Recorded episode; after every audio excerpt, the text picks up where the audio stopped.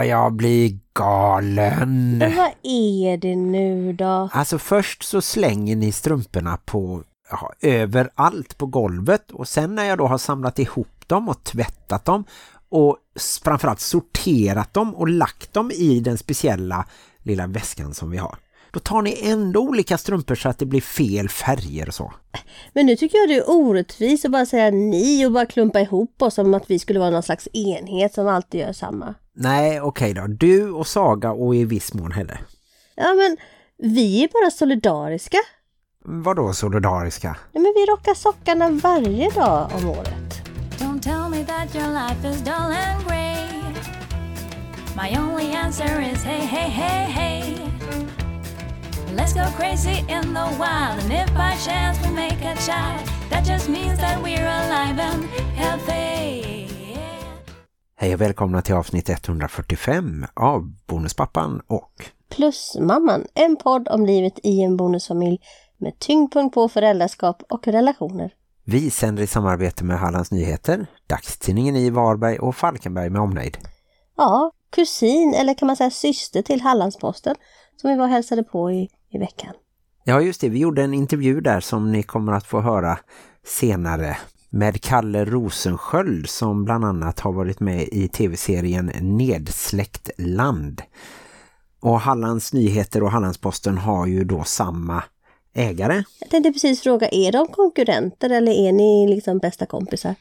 Nej, vi är ju inom samma koncern, Stampen lokala medier, så vi byter texter och samarbetar på olika sätt. Ja, Man kan nog till och med logga in med samma inloggning på www.hm.se och www.hallandsposten.se och även gp.se som är Göteborgsposten. men vad är det för skillnader på tidningarna då? Ja, Hallandsposten kommer ju ut framförallt i Halmstad med omnejd. Även då Hylte kommun och delvis Laholm medan Hallands Nyheter kommer ut i Varberg och Falkenberg med omnejd. Och alltså även Ullared och Tvååker och Veddige och Väröbacka. Men är det ändå så här som typ syskongnabb att man tänker att ja men Hallands Nyheter är lite snyggare och lite bättre? Ja, jag vet inte. Förr var det ju mer konkurrens men eh, nu tycker jag att vi håller ihop. Och de, de är ju mina kollegor, de som jobbar där nere också. Hallandsposten är aningen större fortfarande. Sen så kan jag ju tycka att Hån är bättre, men eh, det är bara min åsikt. Reportrarna är mycket snyggare på HN.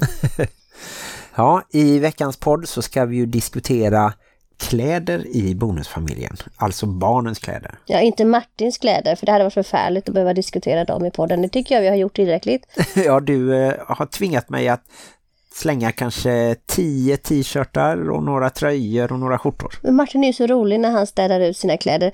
Då bara så här går han igenom alla sina 10 000 skjortor så kanske han får ut 1000 skjortor. Och så bara lägger du dem någon annanstans i lägenheten och så säger du att nu har jag sorterat ut. Och sen kommer de tillbaka som gengångare från de döda skjortornas land. Nej, jag har lagt dem i en väska och så ska jag skänka det till någon av loppisarna bara att det inte har blivit av Nej riktigt. precis, de är fortfarande kvar i lägenheten. Jag tycker inte det räknas som att rensas ut. Fast några har försvunnit på våra resor också för jag har lämnat kvar dem. Mm, jag tror att jag ska använda en sax eller någonting. Va? Klippa sönder? Ja, grejerna? Ja, så kan de inte komma tillbaka. Det är så här som varulvar, nej vampyrer, man måste liksom hugga dem med en eh, påle genom hjärtat så ska jag hugga dina skjortor så att de aldrig återuppstår. Fast det tycker jag är inte så klimatsmart. Man ska tänka på miljön och så hellre Jag skänka tycker du ska det tänka till på second hand. miljön av människor runt omkring dig som ska slippa se dina fula skjortor från 1800-kallt. Det blir liksom en nedsmutsning av det visuella rummet. Jag känner att jag gick igång på det här väldigt mycket. Ja, oväntat faktiskt. Men det var för att jag har sådana traumatiska minnen från resan till Kroatien när du plötsligt tar fram skjortor som eh, både Gud och eh, tillverkarna har glömt för länge sedan. Men jag hade ju en tröja över så det syntes knappt. Så det var förfärligt. Jag var tvungen att se dem. Ja, på hotellrummet, ja. Martin har en teknik att han lämnar kvar skjortor och tror att någon annan stackare vill ha dem bara för att de är i ett annat land. Så betyder inte att de har dålig smak, Martin. Nej, men då blir ju min väska inte så tung på hemvägen. Så här, jag lämnar kvar den här spygröna skjortan. Stackars städerskan, hon måste liksom tagit det som en grov förolämpning liksom. Ja, men det är också en liten ritual att jag, det är som en slags sorgbearbetning att ja, men den här skjortan har jag haft roliga stunder i och sådär. Och nu får den gå vidare någonstans. Och så.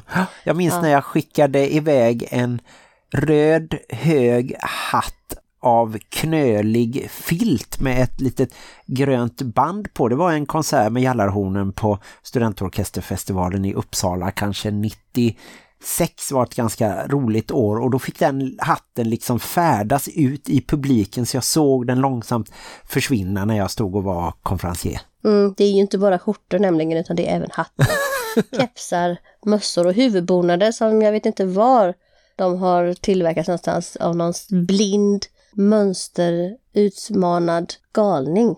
Pratar du nedlåtande om mina olika fesar som är köpta i Turkiet till exempel? Ja, det, Det tycker jag. jag är nästan rasistiskt. Nej, nu får vi ta veckan som har gått. Jag tänkte så här att nu har vi haft 145 avsnitt. Vi har fått en hel del nya lyssnare. I början när vi sände ut de här avsnitten så sa vi alltid i början vem vi var. Du sa så här, "Eh, hej, jag är Martin Erlandsson och jag är statsminister. Nej, det sa du inte, du sa att du var journalist och sådär. Det gör vi inte längre. De som lyssnar på oss nu kanske inte har en aning om vilka vi är och hur våra bonusfamilj ser ut. Ska vi ta det lite snabbt då? Jag tänkte vi kunde ta en snabb presentation. Ja, vill du börja? Ja, hej jag heter Maria Erlandsson. Jag är gift med Martin Erlandsson. Han är journalist. Nej, så kan vi ta det. Det är internationella kvinnodagen. Du kan inte definiera dig genom din man. Nu ska du verkligen stå upp för den fantastiska kvinna du är själv. Ja, precis. Jag heter Maria Erlandsson och jag är en fantastisk kvinna som kommer från det vackra Falkenberg. Numera boende i Varberg där jag bor med mina fyra barn sedan tidigare. Jag har tre barn med en pappa, ett barn med en annan pappa och så har jag inga barn med min nuvarande man Martin Erlandsson. Jag har en bonusson sedan tidigare som jag kallar för min plusson som jag träffar lite då och då, allt för sällan om man får fråga mig. Men eh, det är väldigt mysigt att få ha honom kvar i sitt liv. Och så jobbar jag som före detta rehabassistent men numera kallas det nog bara att jag är vårdbiträde inom dagverksamhet. Och även fritidsaktivitetsledare. Och så sitter jag vak ibland. Jag är väldigt spretig i min sysselsättning kan man säga. Men det är inom vården kan man säga. Du jobbar även lite med de funktionsvarierades fritidsaktiviteter. Ja, precis. Jag gör det som är roligt inom vården. Jag gör bara det roliga. Jag dricker kaffe, jag spelar spel, jag gympar lite, spelar lite boll och sådär. Mm. Och jag är alltså reporter på Hallands Nyheter sedan 22 år. Och jag är precis som Maria uppvuxen i en kärnfamilj med en bror och eh, våra föräldrar är fortfarande gifta även om de nu är då pensionärer sedan många år. Det lät som att dina föräldrar skulle vara gifta med mina föräldrar när du säger att våra föräldrar är gifta. ja, våra föräldrarpar är fortfarande intakta kan vi säga. Jag är uppvuxen första åren i Göteborg och sedan i Kullavik mellan Göteborg och Kungsbacka och är alltså bonusförälder. Så varannan vecka så har vi de fyra barnen här och varannan vecka är de hos sina pappor. Det kanske var lite kort om oss. Men det är kort tycker du, jag tycker det var ovanligt långt. Den här veckan har ju varit en barnlös vecka som vi säger. Vi kallar ju inte det för barnledigt eftersom vi tycker att vi är barnlösa den veckan. Ja, det tycker jag är ett bra ord för vi längtar ju kanske mer efter barnen än vad de längtar efter oss. Men riktigt barnlösa är vi sällan. De kommer ju hit och hälsar på. Ja, särskilt eh, de tre tonåringarna som bor varannan vecka på cykelavstånd. Och eh, den här veckan hade vi en liten spel- och glassdag. Ja, det var extra roligt för Kevin, min plusson, var och hälsade på också. Och det är ju som jag sa innan inte så jättevanligt. Men det är extra roligt när han kommer. Just det. Sen har vi den här veckan även varit på en lite ovanlig jazzkonsert på Gästis matsalar och det var första gången vi var där. Jag gillade både miljön och sen var ju musiken lite mer svårtuggad, eh, fri jazz kan vi väl säga. Ja, jag gillar min förmåga att kunna stänga av ljud som jag inte gillar att höra. Då hör jag inte dem. Men eh, man kan ändå säga att det var eliten av Sveriges improvisationsmusiker. Zetterberg, Kullhammar, Texas, Cantillo på trummor och eh, Eleklint på trombon och en kvinnlig trumpetare som heter Susanna Santos Silva. Henne märkte jag faktiskt inte förrän jag gick och satte mig och lyssnade på sista låten. Nej just det, hon stod bakom pelaren där så att vi såg inte henne när vi satt och åt. Men jag tyckte det piggade upp ändå. Det var ett tag sedan vi var på jazzkonsert. Och idag har vi varit på föreläsning i Halmstad med Milla Nordström som var våran gäst i podden förra veckan i avsnitt 144. Just det, det var på Medborgarskolan idag på internationella kvinnodagen den 8 mars och det handlade om våld i nära relationer. Missa inte det avsnittet för avsnittet. En stark berättelse om eh, Milla och hennes liv. Mm. Jag satt och tänkte lite på innan när vi pratade om att Kevin hade varit här. Det är ju en sån här rolig bonusfamiljsröra. Det var ju så att Helle, våra minsta, hon var på barnkalas hos sin bonuskusin medan Kevin då var hos oss med sina före detta bonussyskon kan man säga. Och Helle är ju hans biologiska syster. Så de är ju syskon, men de var inte på samma ställe. Och sen skjutsade vi Kevin till Helles och Kevins gemensamma vänner då, Josefin och Jakob och så kom Helle dit och sen så var de där och tittade på Melodifestivalen och sen kom ju deras gemensamma pappa och hämtade dem. Just det, ja. Så Hängde ni med där? Kevin och våra tonåringar har alltså en gemensam syster i Helle. Ja, men hon var ju inte där utan hon kom senare. Mm, Ja, Nej, men det är härligt att eh, barnen fortfarande håller ihop och trivs och sådär. Sen så har ju du även då jobbat natt. Det var ju lite ovanligt eh, vak. Lite rörigt och lite spännande och lite läskigt. Jag satt lite som på nålar hela natten och vågade inte andas och inte gå på toa och inte äta. Men däremot vågade jag öppna en liten present som du hade skickat med till mig. Ja, jag är inte så bra på att ge presenter men jag tänkte att det kunde pigga upp med några små örhängen. Det var väldigt gulligt av dig. Mm, Jag fick nästan lite tandvärk av hur sött och gulligt det var. tack, tack. Sen har du ju fortsatt med ditt eh, Ketos-projekt. Ja, och där är det ju inte så mycket sött kan man säga, utan man ska ju hålla sig borta från det söta. Mm. Det är bara hallonen som eh, lockar. Ja, men hallonen är mitt sista knark just nu och just nu så är de ju så billiga på lilla Coop. Där kommer lite reklamsnutt in. Men vi får inga extra billiga hallon för att jag sa det. Nej, det hade ju varit bra kanske. Ja, det var väl eh, veckan det och nu är det ju dags att eh, diskutera då kläder i bonusfamiljen. Var det verkligen hela veckan? Jag kommer ihåg en rolig sak att vi var ute och åt um, lunch. Mina föräldrar, min bror, Lars och så någon helt random snubbe som satt vid vårt bord. Jag har glömt att fråga dig vem det var. Det verkade som du kände honom. Nej, jag har skrivit om honom en gång och han hade ju ätit upp när jag kom dit. Och då tänkte jag att ja, men då blir det ju lagom att jag tar det övriga runda bordet, det enda som var ledigt. Och så kommer han, när ni kommer dit så kommer han ha hunnit gå iväg. Men han satt ju och bara väntade på att vi skulle äta och att han hade Ja, men han hade med. det väldigt så mysigt och trevligt med oss så att han tyckte väl det var tråkigt att gå iväg. Ja, så kan det ha varit. Vi Härligt men osvenskt. Ja, men det var en trevlig lunch helt enkelt. Och god kyckling, minns jag. Det roliga var ju att det var min lediga dag och jag och min kollega hade mobbat våra andra två kollegor jättemycket att det var vår lediga dag. Vi sa hela, hela torsdagen så sa vi det är vår lediga dag imorgon, vi ska vara lediga, vi ska sova och bla bla bla. Och sen så hände det sig då att jag kom dit och åt lunch. Det var ju på mitt jobb. Ja, just det. Så att eh, jag var ju nästan inte ledig. Jag var där i alla fall fast jag var ledig. Ja, är du beredd att diskutera kläder nu då? Ja men det är jag.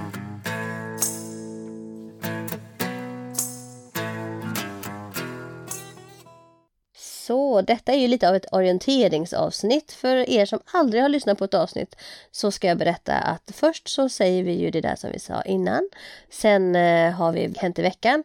Och varannan vecka så har vi en diskussion om någonting som kan beröra bonusfamiljer lite extra eftersom man är en ombildad familj. Och varannan vecka har vi en gäst. Så förra veckan hade vi ju Milla som vi pratade om och nästa vecka kommer vi ha Monica Robertsson, musiker och enka till legendaren Alf Robertsson. Precis.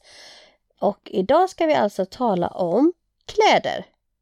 Och det kanske kan låta som en trivial sak, men det kan också vara någonting som orsakar extremt mycket gnabb i en bonusfamilj. Ja, det kan ju faktiskt vara svårt att få det någorlunda rättvist just med tanke på då att barnen kan behöva lite halvdyra vinterkläder och regnkläder, stövlar och olika saker. Vissa kläder kanske ska vara kvar på skolan och så. Mm. Och det är ju inte alltid ekonomiskt möjligt att barn ska ha helt dubbla uppsättning kläder. En i varje familj. Nej, det är ju samma lite som med cyklar. Bor man nära så kanske man bara behöver en cykel. Men Helle som bor flera mil härifrån varannan vecka måste ju ha en cykel på varje ställe. Så där blir ju en skillnad och till viss del är det ju samma med en del kläder då. Mm. Jag tänker att vi kan ju utgå från hur vi har det i vår familj och vi har ju gjort så att vi delar på de dyra sakerna. Vi delar på ytterkläder och eh, skor och kanske ibland om de köper väldigt dyra jeans eller som när vår son gick ut högstadiet och köpte en kostym så delade vi ju det på det också. Ja just det, där känns det ju som att han kan ha samma kostym och flytta med sig precis som han har en gitarr att flytta med sig. Mm. Och det har vi ju löst på det sättet när det ska funka som vi vill att man säger till först att nu behöver vi köpa skor, vi kan göra det eller vill ni göra det? Och så köper man skor och sen så skickar man kostnaden på ett sms och så swishar den andra familjen hälften tillbaka. Ja just det. Och ska vi vara helt ärliga, och det ska vi ju, så hade vi ju det av och till eh, lite knöligt med tonåringarnas pappa för där delade vi ju egentligen lite mer kläder i början plus att då tyckte vi ju att ja, men det är ju bra, säg till innan du köper någonting så kan vi få vara delaktiga och känna att jaha men ska vi betala hälften av de skorna när kanske ett barn redan har fyra par skor eller, eller att det blir väldigt dyra skor och så kanske vi hellre hade köpt ett par skor passat på när det var rea någonstans. Det kan skilja på flera hundra och ibland så behöver man hålla lite koll på ekonomin. Men nu tycker jag att det har blivit lättare. Jo men så är det ju. Det kan ju vara två familjer som har helt olika Alltså helt olika ekonomisk förutsättning för att kunna betala hälften. Som om den ena familjen alltid är vana vid att köpa märkeskläder och de andra kanske ärver och köper på second hand och verkligen liksom tänker på kostnader, då kan det kännas väldigt orättvist att man ska punga ut hälften. Så jag tänker att det är någonting som kan orsaka lite gnissel. Ja, och då är ju lösningen tycker jag som alltid är kommunikation. Att man skickar eh, sms till varandra om man inte vill ringa upp. Och så bara man bestämmer lite sådär, eh, nu ska vi köpa nya vinterskor. Är det lagom för er att lägga 300-400 eller så? Mm. Nej men det är en bra idé. Kommunikation är alltid en bra idé. Jag tror att i vissa familjer så kan det vara så att man har som barn då lite olika sorters kläder på de olika ställena. Eftersom du flyttar inte allt över och den ena familjen kanske har råd att köpa nya fina kläder så kanske den familjen inte vill att alla de ska hamna hos den andra familjen. Och så kanske det är någon som de kanske har äldre syskon där och får ärva, ha lite ärvekläder. Vad tror du, hur känns det för barnen att det är så olika i deras olika familjer?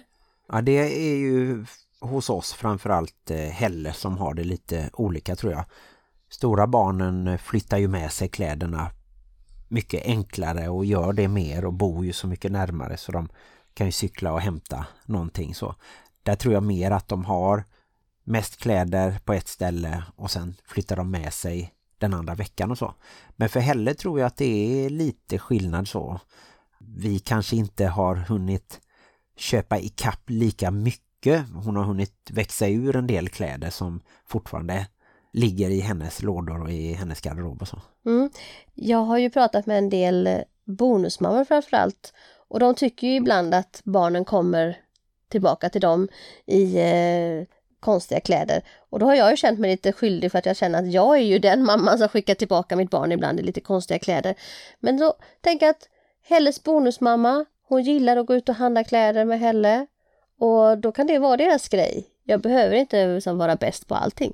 Nej, sen tror jag faktiskt så att det var i början, eftersom det är jag som tvättar så har jag ju bra koll på till exempel Helles strumpor. Och när vi hade köpt ett gäng nya med siffror på så märkte jag ju att de försvann bort till det andra hemmet och inte kom tillbaka. Så jag tror att det har faktiskt jämnat ut sig lite att några kläder som hon har gillat som vi har köpt har följt med tillbaka nästa vecka. Så. Jag tycker det är lite oundvikligt att det blir så.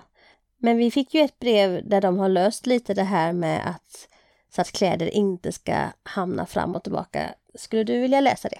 Ja just det, det är ju då temat måndagskläder på det här inlägget som vi har frågat och fått godkänt att vi läser upp. Barnen väljer varsin outfit på en vanlig butikskedja där det då är bra pris, ofta något erbjudande och att det är funktionellt så att det passar i skolan. Sedan är denna outfit till enbart för måndagar och då hinner man tvätta den under veckans gång och så får de samma måndagskläder på sig vid veckobytet då nästa måndag.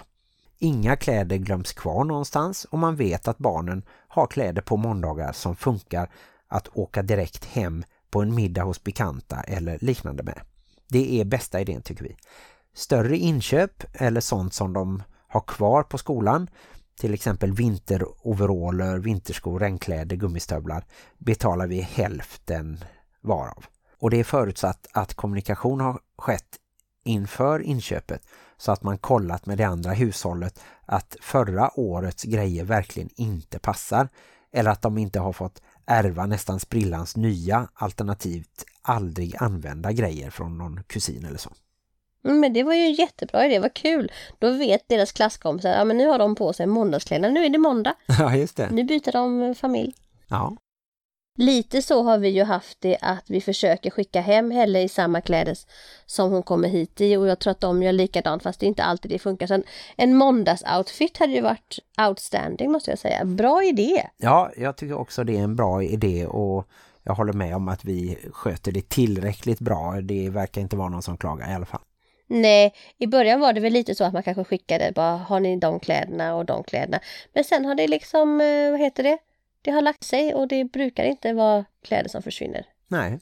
Sen när det gäller barnbidrag till exempel så har ju vi tidigare haft halva eftersom barnen bor här halva tiden.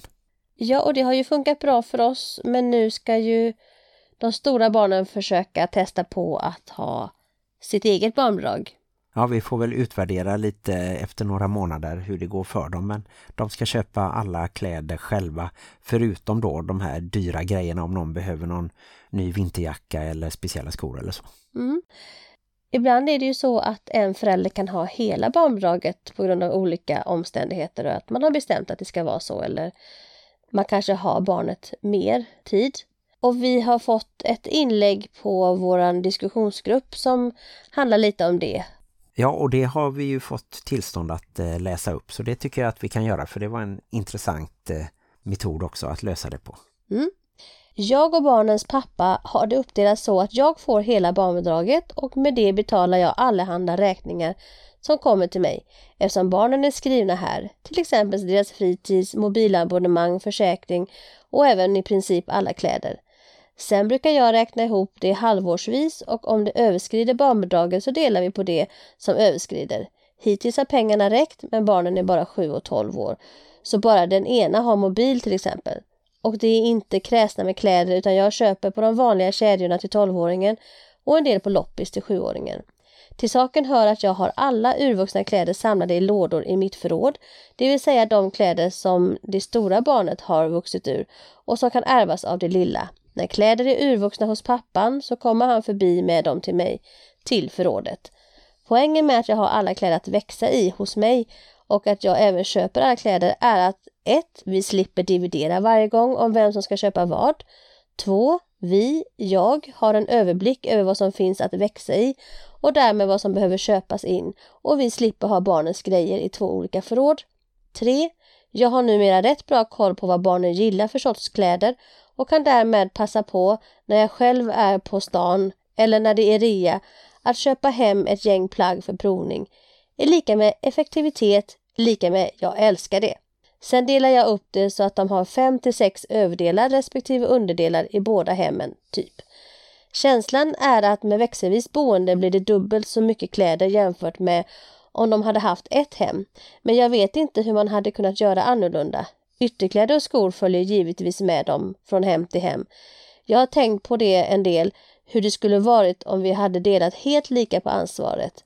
Men det upplägg vi har nu så vilar ju mest ansvar på mig. Men för min del är det värt besväret med att ha mer ansvar, för det känns som om det hade blivit mycket mer snurrigt om vi båda skulle hålla koll på vilka kläder som finns redan och vem som köper vad och så vidare. Mm, jag gillar ju den här eh, varianten Det kunde varit du. med kontroll och hade jag fått fria händer att sköta det här så hade jag också gjort så att jag hade haft kläder som man hade kunnat växa i och så. För det är så jag är uppvuxen. Ibland fick jag ärva kläder men framförallt så fick ju min lillebror ärva kläder efter mig på den tiden när han var mindre än mig. Sen Det är därför han numera är mycket mer välklädd än vad du är, för han tar igen det nu. Han, jag ska minsann köpa nya kläder, jag ska inte ha Martins gamla Nej, avrätta. precis. Jag är ju fortfarande mer eh, loppis-kompatibel kanske. Jag kan ju avslöja att Martin ett tag hade en ambition att be de andra papporna att skicka tillbaka strumpor så att du skulle kunna sortera upp de här. Du sa, sa det att har ni några udda strumpor så skicka hit dem, men det funkar inte riktigt. Nej, men minns du hur många udda strumpor jag hittade när jag började sortera? 40?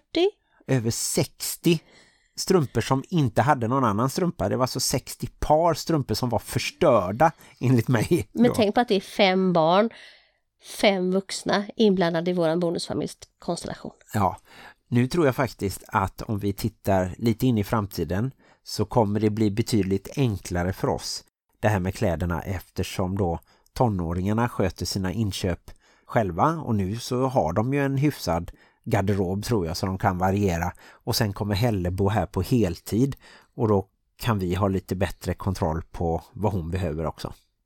Sen vill jag ju säga till mina barns försvar att innan du kom in i bilden så hade de nästan bara ärvda kläder. Vi fick jättemycket kassar med kläder från jättemånga olika människor och jättemånga olika håll. Så de har haft sin period i ärveträsket.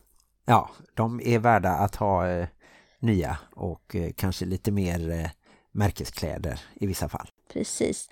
Du kom ju in i deras liv när de var i tidigt tonår. Och ända fram till dess så hade de faktiskt haft mest ärvekläder. Mm. Nästan ingenting nytt. Jag tror att eh, det här med kläder det är ju en fråga som eh, många bonusfamiljer ändå brottas med. Och har ni någon egen metod som vi inte har nämnt så är vi fortfarande nyfikna på det. Ni kan ju till exempel gå in då på Facebook på bonusfamiljernas diskussionsgrupp och skriva en kommentar där i det inlägget som finns där. Mm. Jag tänker att vi också ska ta upp när det inte funkar med det här med kläder innan vi avslutar det här. Och det kan ju vara då som vi nämnde tidigare när det är olika förutsättningar i en familj. Att man har olika ekonomiska förutsättningar. Sen är det ju också det här att man är olika organiserade. Att en kanske har väldigt ordning och en annan inte. Och det är oftast kanske bara att man är olika, inte att någon har rätt eller fel. Och sen kan det också vara så att när det ska gå via skolan, via ett annat hem, via ett första hem, så är det ju lätt att saker och ting försvinner eller tappas bort eller är borta. Och då tycker jag i alla fall att man kanske inte ska hålla på och skälla på barnen, för det är ju inte de som har försatt dem i den situationen att de har två hem. Och att just i det fallet så kanske det inte är så viktigt egentligen var strumporna är någonstans. Nej, och sen så kan det ju faktiskt också vara så då att man som förälder är olika duktig på det här med kläder. Hade jag varit då en ensamstående pappa så kanske jag inte hade kunnat vara ett bra bollplank för mina barn oavsett om det var pojkar eller flickor när de skulle köpa kläder och så. Och ibland så är det ju då en bonusfamilj kanske bara är en förälder och ibland så kan det då vara två föräldrar där det kommer in en bonusmamma eller bonuspappa som gillar kläder och, och gärna är ute och shoppar och sådär. Så det kan ju bli oavsett så att säga ekonomi så kan det ju vara också då intresse och eh, kunskap kanske som påverkar lite. Och en faktor till, det kan ju vara att i en familj så är det ett barn och i en annan, i den andra familjen då där, de är den andra, eller där det barnet är den andra veckan så är det fem barn. Och då är det ju en väldig skillnad. Då kan det ju vara lite mer kaos på det stället där det finns fler människor helt enkelt. Ja, och sådana enkla saker som att är det bara som i våran familj en son så kan han ju inte gärna ärva kläder av sina systrar då. Och sen så kan det vara i andra familjer där man har många till exempel då kusiner som är kanske bara lagom ett, två, tre år äldre så att de kan lämna efter sig lite kläder så att man har lättare tillgång till ärvda kläder då. Sen är det ju en väldig skillnad på det här med ärvda kläder. Att det var ju vissa gånger som man fick jättefina och bra kläder som inte hade några liksom skavanker eller så. Men det är inte jätteroligt att ärva ett par gamla urtvättade kalasbyxor från sin äldre kusin kanske. Nej, precis. Det kan verkligen vara eh, variation. Det kan ju vara kläder som nästan aldrig används så att ingen kan se att de är ärvda. Nej, så jag tänker att det finns olika tider för sånt. När de är mindre så kanske de bara tycker det är jättekul att få en stor påse kläder. Och när de är lite äldre så kan det vara en nära döden upplevelse att behöva gå i någonting ärvt till skolan. Så att man får tänka lite utanför boxen ibland. Ja, och så får man ju vara tacksam då de gångerna när det går att samarbeta till exempel om som jag minns eh, Helle växte ur sin baddräkt och innan vi kunde köpa en egen att ha här då fick vi säga till att ja, kan ni skicka med den och så kanske vi hade simglasögon och så kunde vi skicka med dem och så hjälps man faktiskt åt lite som föräldrar. Kan man det så är ju alltid det en fördel. Det tycker jag och eh, kommunikation är bra och att kommunicera om man tänker köpa väldigt dyra saker. Inte utgå från att den andra familjen kan hosta upp hälften bara för att man själv får för sig att man vill ge sitt barn ett par jeans för 2000. Nej, precis. Det får väl nästan bli eh, slutordet men eh, fortsätt att eh, skriva till oss. Vi gillar all kommunikation med våra härliga lyssnare. Och som ni vet så finns vi ju på Facebook och Instagram. Det är bara att söka där och skicka meddelande eller mejla till oss på bonuspappan.plusmamman gmail.com mm. Och nu är det väl dags för föräldrabalken. Jajamensan.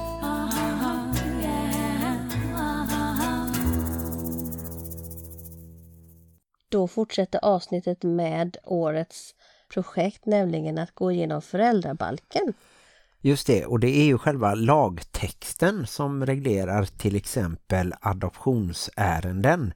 Och det finns i kapitel 4 och där ska vi prata lite om paragraf 14 till 20 som jag har förkortat lite. Detta kan ju låta oerhört torrt och det är lika torrt som en dry martini men det är också väldigt viktigt och jag har lärt mig en hel del faktiskt. Ja, vi ser det som en slags eh, upplysning eftersom vi själva aldrig har läst föräldrabalken förrän nu.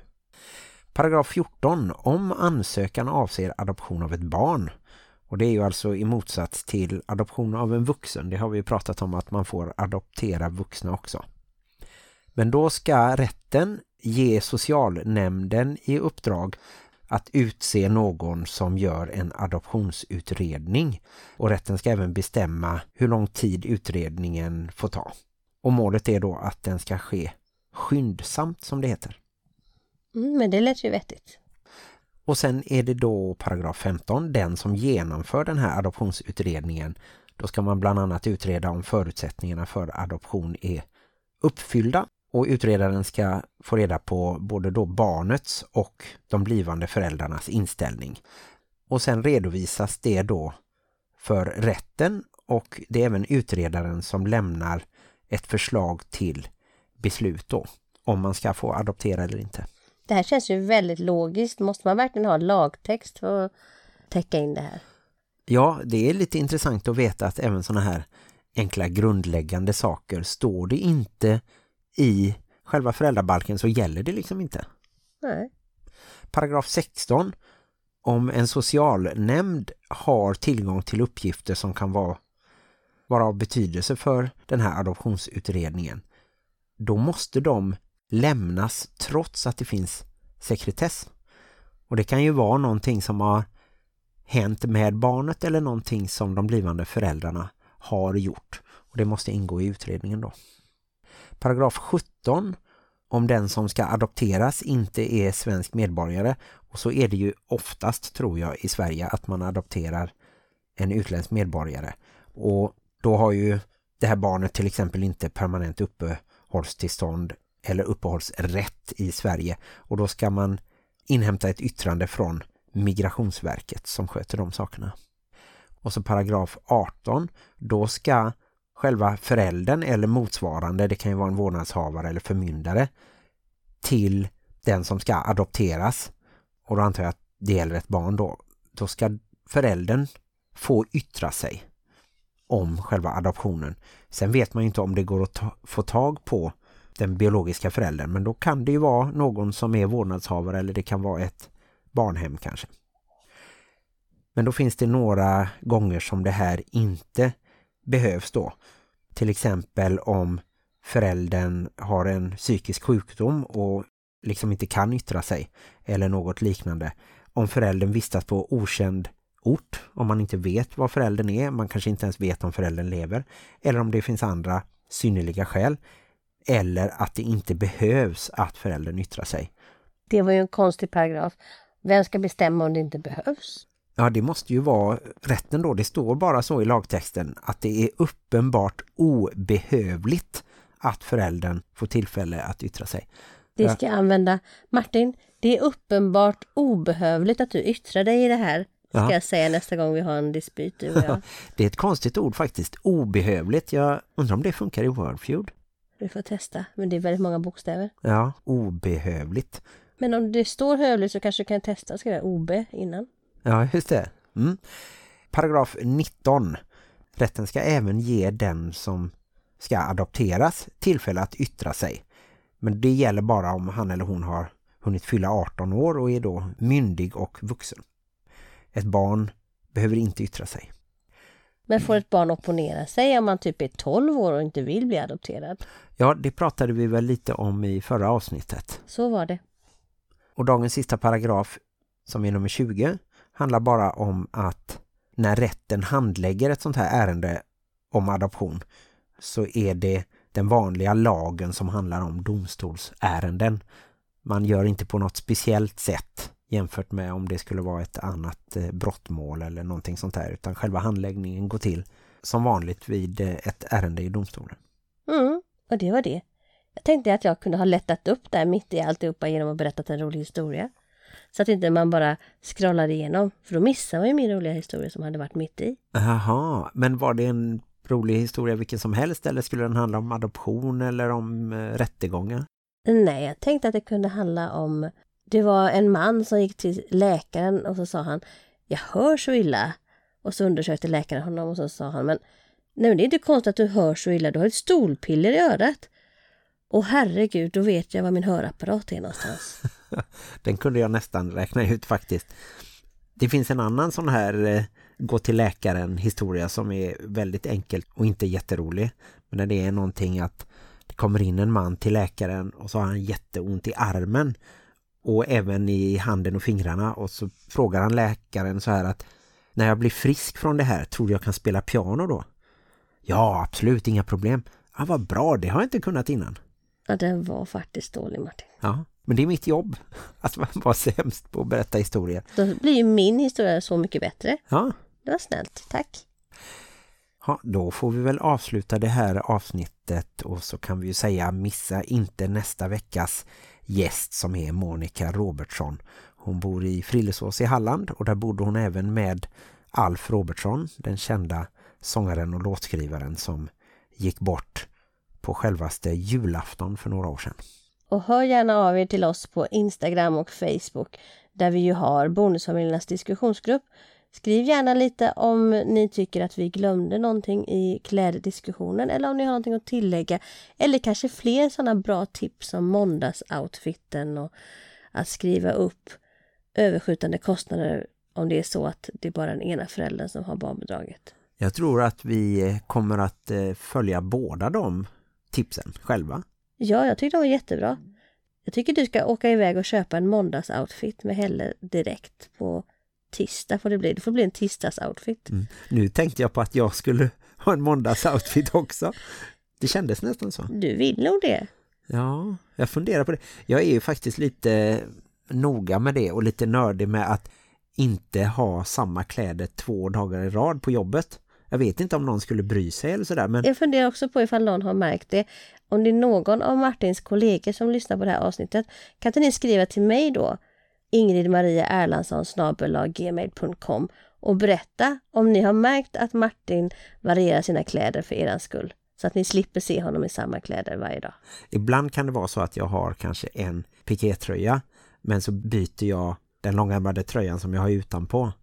Men sen kan det också vara så att jag har kanske en skjorta på tisdag. Så väntar jag så har jag den igen på fredag då. Det är ett helt litet system. Nej, det är olika vecka för vecka. Men det är bara att två dagar i rad känns... Eh, däremot samma byxor kan jag ha två dagar i rad. Eller tre dagar i rad kanske. Kalsongerna. Nej, de byter jag varje dag. Du är inte som jag som så här somnar i mina kläder och sen så nästa morgon så kan jag gå upp och bara gå ut genom dörren och ha dem på mig. igen. Nej, men det märker du väl att jag, jag borstar alltid tänderna. Men tycker du jag, att det är lite äckligt då att jag har samma kläder på mig flera dagar i rad? Nej, men du luktar ju gott ändå. Så att... Eh, Är det har- därför du byter för att du inte vill lukta illa? Ja, men det tycker jag ju att... Jag trodde det var för att du var en dandy. Nej, jag kan inget om eh, mode och sånt. Men jag vet att vi snart ska släcka lampan och eh, ladda inför barnveckan. Och vuxengosa tror jag skulle säga. Innan barnveckan börjar. Nej, det har du rätt i att jag inte sa. Men glöm inte att livet i bonusfamiljen kan vara besvärligt. Men också härligt. Och ibland kan man få en måndagsoutfit. Hej då!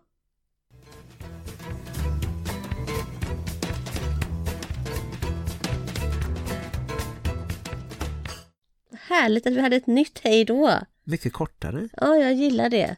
Tycker inte om det där hej då. Men det är en klassiker. Tror att de nya lyssnarna har förstått vårt upplägg nu. När jag försökt förklara det. Men vi hade lite nya grejer där. Med min roliga historia och... Ja, Men det var nog mest roligt för de gamla lyssnarna. men det är så här det blir. Det blir som det blir. Lite men det verkar spontant. bli ganska bra. Ja. Ja. Jag tycker det viktiga är att vi gillar det. Att vi har roligt när vi spelar in podden. Vad taskigt för lyssnarna. Om du tycker att vi är viktigare än lyssnarna. Nej, men jag tror att det smittar av sig. Märks det att vi har roligt och gillar det så tror jag att även lyssnarna trivs. Vi hoppas det. Mm.